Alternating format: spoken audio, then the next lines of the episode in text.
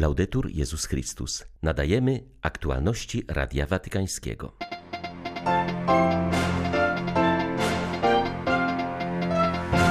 Franciszek skierował przesłanie na trwający w Medjugorju Festiwal Młodych. Zachęcił jego uczestników, by nieśli Chrystusa w świat i czynili ze swego życia dar dla innych. W ostatnich latach nastąpiło wyraźne osłabienie chrześcijaństwa w Hiszpanii. Stąd poszukiwanie przez tamtejszy kościół skuteczniejszych dróg ewangelizacji. Dzięki międzyreligijnej mediacji po tygodniach krwawych walk, które spowodowały tysiące wewnętrznych uchodźców, pokój powoli wraca do Sudanu Południowego. 2 sierpnia witają Państwa ksiądz Krzysztof Ołdakowski i Beata Zajączkowska. Zapraszamy na serwis informacyjny. Ojciec Święty zachęcił młodzież, by na wzór Maryi niosła Chrystusa w świat i czyniła ze swojego życia dar dla innych. Papież pisze o tym w przesłaniu na 32. Międzynarodowy Festiwal Młodych odbywający się w Medjugorju. Hasłem tygodniowego spotkania, w którym uczestniczy również młodzież z Polski, są słowa co dobrego mamy czynić, w swym przesłaniu Franciszek nawiązuje do historii bogatego młodzieńca, który odszedł smutny po spotkaniu z Jezusem. Papież wskazuje, że miał on odwagę stawiania słusznych pytań, zabrakło mu jednak odwagi do przyjęcia odpowiedzi Jezusa. Pozwólcie się zdobyć Jego miłującemu spojrzeniu, które uwalnia nas od pokus bożków, fałszywych bogactw, które obiecują życie, ale przynoszą śmierć.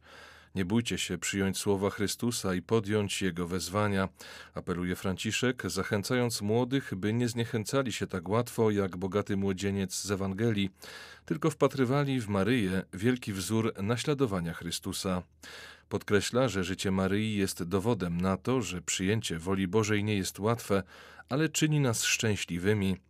Swe przesłanie Franciszek kończy przypomnieniem, że radość Ewangelii napełnia serce oraz całe życie tych, którzy spotykają się z Jezusem. W ostatnich latach nastąpiło wyraźne osłabienie chrześcijaństwa w Hiszpanii, stąd też tamtejsi biskupi szukają odpowiedzi na pytanie, jak ewangelizować w dzisiejszym społeczeństwie hiszpańskim. Pomocą na tej drodze ma być dokument zawierający wskazówki duszpasterskie na najbliższe cztery lata. Nosi on tytuł Wierni posłaniu misyjnemu.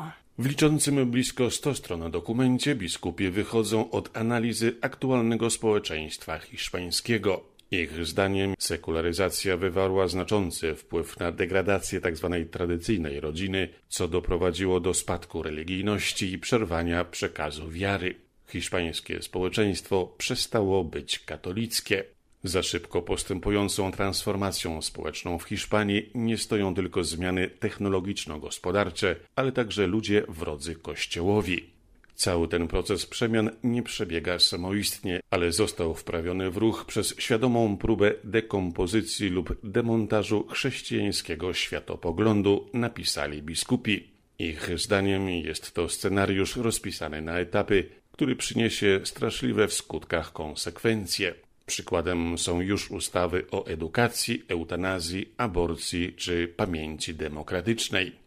W drugiej części dokumentu biskupi prezentują szereg konkretnych propozycji, które mogłyby pomóc w ewangelizacji dzisiejszego społeczeństwa hiszpańskiego. Zwracają uwagę przede wszystkim na młodzież, edukację, rodzinę oraz media. Z Madrytu dla Rady Watykańskiego ojciec Marek Raczkiewicz, redemptorysta.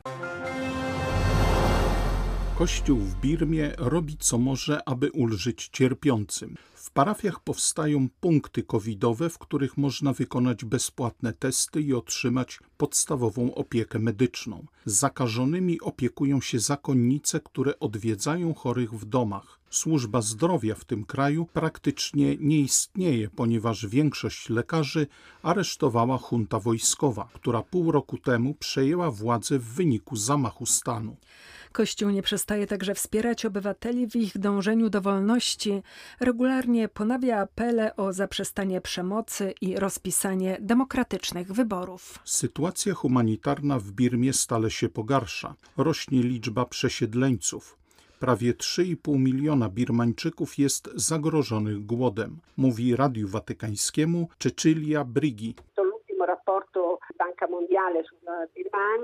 Według ostatniego raportu Banku Światowego produkt krajowy brutto skurczył się o prawie jedną piątą. Wkrótce 25 milionów ludzi, czyli prawie połowa populacji, będzie żyła w absolutnym ubóstwie. Najwyższą cenę płacą najmłodsi i najstarsi. Brakuje dostępu do systemu opieki zdrowotnej i edukacji. Do tego dochodzi jeszcze gwałtownie wzrastająca liczba osób zakażonych koronawirusem. 60% szpitali nie pracuje, bo wojsko aresztowało większość lekarzy. Ci, którzy zostali, muszą się ukrywać. Kobiety są zmuszane do rodzenia dzieci bez żadnej pomocy medycznej. Nie ma możliwości szczepienia społeczeństwa, ponieważ rządząca junta pozwala na to tylko swoim zwolennikom i wojsku. Krajowi grozi destrukcja. Rząd Pakistanu nadal ignoruje prześladowania mniejszości religijnych, dokonywane w tym kraju nie tylko przez grupy fanatyków, ale także przez instytucje państwowe i przedstawicieli władz. Alarm w tej sprawie podniosła Międzynarodowa Komisja Prawników. Opublikowane na stronie internetowej tej pozarządowej organizacji sprawozdanie wymienia w szczególności kontrowersyjne prawo o bluźnierstwie. Każe ono śmiercią lub dożywotnim więzieniem każdego, kto znieważa Mahometa lub profanuje Koran jest często nadużywane w sporach osobistych. Prawnicy zwracają również uwagę na częste w Pakistanie przymusowe małżeństwa i konwersje na islam. Organizacja zaznacza, że nie ma mowy o odosobnionych incydentach, jak często przedstawiają te naruszenia pakistańskie władze. Dalsze ignorowanie prześladowań zrujnuje i tak fatalny wizerunek tego kraju na świecie, powiedział sekretarz generalny Międzynarodowej Komisji Prawników Sam Zarifi. Wezwał Pakistan do przestrzegania jego własnej konstytucji, która choć ustanawia islam oficjalną religią państwa, to jednak uznaje wolność wyznania. Sytuacja w Tunezji po społecznych protestach stopniowo się normalizuje, pozostaje nadal jednak bardzo trudna. Kraj przeżywa poważną zapaść gospodarczą, którą pogłębia pandemia.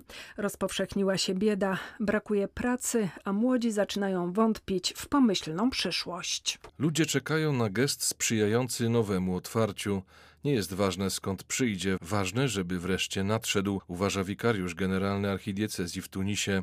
Ksiądz Lyons Zinzere wskazuje, że decyzja o przejęciu władzy wykonawczej w kraju przez prezydenta Kaisu Saida przyniesie dobre rezultaty i poprawi warunki życia obywateli. Szczególnie niepokojąca jest obecnie sytuacja dobrze wykształconych młodych ludzi, z których wielu decyduje się na emigrację w poszukiwaniu lepszych warunków życia. Podkreśla zarazem, że Kościół w Tunezji, który pozostaje w mniejszości, stanowi wielkie wsparcie moralne dla mieszkańców kraju. Bardzo aktywna jest miejscowa Caritas. Wsparcie obejmuje szczególnie zakup żywności i leków. Dzięki międzyreligijnej mediacji po tygodniach krwawych walk, które spowodowały tysiące wewnętrznych uchodźców, pokój powoli wraca do ekwatorii zachodniej. Jest to jeden z dziesięciu stanów Sudanu Południowego, w którym w połowie czerwca doszło do kolejnego konfliktu międzyplemiennego. W mediację włączyli się przedstawiciele religii obecnych w tym kraju, którzy tworzą międzyreligijną Radę na Rzecz Pokoju. Wchodzący w skład Rady katolicki biskup Eduardo do Hiboro Kussala informuje, że w starciach tysiące ludzi straciło życie. Pozostali zostali wysiedleni i żyją w bardzo złych warunkach z powodu braku żywności, wody i podstawowych środków do życia. By stawić czoło obecnemu kryzysowi, ordynariusz Jambio, gdzie doszło do ostrych starć, otworzył przed uchodźcami drzwi kościołów i misji. Jak informuje ponad połowa z 20 tysięcy uchodźców, którzy znaleźli w nich schronienie, to dzieci. Hierarcha wskazuje, że pokojowa mediacja jest prawdziwym błogosławieństwem, ponieważ w przeciwnym wypadku tysiącom ludzi grozi śmierć głodowa. Przemoc w ekwatorii zachodniej jest tylko jedną z wielu odsłon krwawej krwawej wojny, która dotyka Sudan Południowy od początku jego kruchej niepodległości uzyskanej zaledwie dekadę temu. Patriarcha Wenecji z zadowoleniem przyjął obowiązujący od wczoraj zakaz wpływania wielkich statków wycieczkowych do laguny tego portowego miasta. Przypominając, że każdego roku przybywa tam 28 milionów turystów, wskazał, iż Wenecja bardzo potrzebuje przełożenia na praktykę codziennego życia ekologii integralnej, o której papież Franciszek pisze w encyklice Laudato Si. W rozmowie z Radiem Watykańskim arcybiskup Francesco Morgalia zauważył, że wprowadzony zakaz pływania statków, które zdecydowanie przewyższają wysokość budynków tego zabytkowego miasta jest bardzo potrzebny. Jednak, jak dodał, musi iść za tym ochrona miejsc pracy i stworzenie warunków do życia dla mieszkańców, tak by Wenecja nie stała się wkrótce jedynie muzeum. Jest to z pewnością dobry początek dla obrony i ochrony Wenecji, ale jesteśmy również nieco zaniepokojeni kwestią zatrudnienia, ponieważ wiele miejsc pracy zostanie zlikwidowanych. Mówimy o rodzinach, o pensjach ludzi, którzy już są albo niedługo będą w trudnej sytuacji. Musimy wziąć pod uwagę również fakt, że trudności związane z pracą zostały spotęgowane przez dwa trudne lata dla tego miasta pandemię, ale także cierpienie, które jest całkowicie weneckie, a które nie jest związane jedynie z wysoką wodą, ale z wodą o naprawdę niespotykanej wysokości. I niestety w ciągu ostatnich dwóch lat byliśmy świadkami jej destrukcyjnej inwazji na miasto. Wenecja jest emblematycznym miastem, gdy idzie o zastosowanie wskazówek papieża Franciszka z Laudato Si. Wenecja woła o ekologię integralną, zarówno gdy chodzi o relacje międzyludzkie, jak i o ochronę środowiska i miejsc pracy. Ten tekst powinien zainspirować nową wizję działania i przyszłości Wenecji.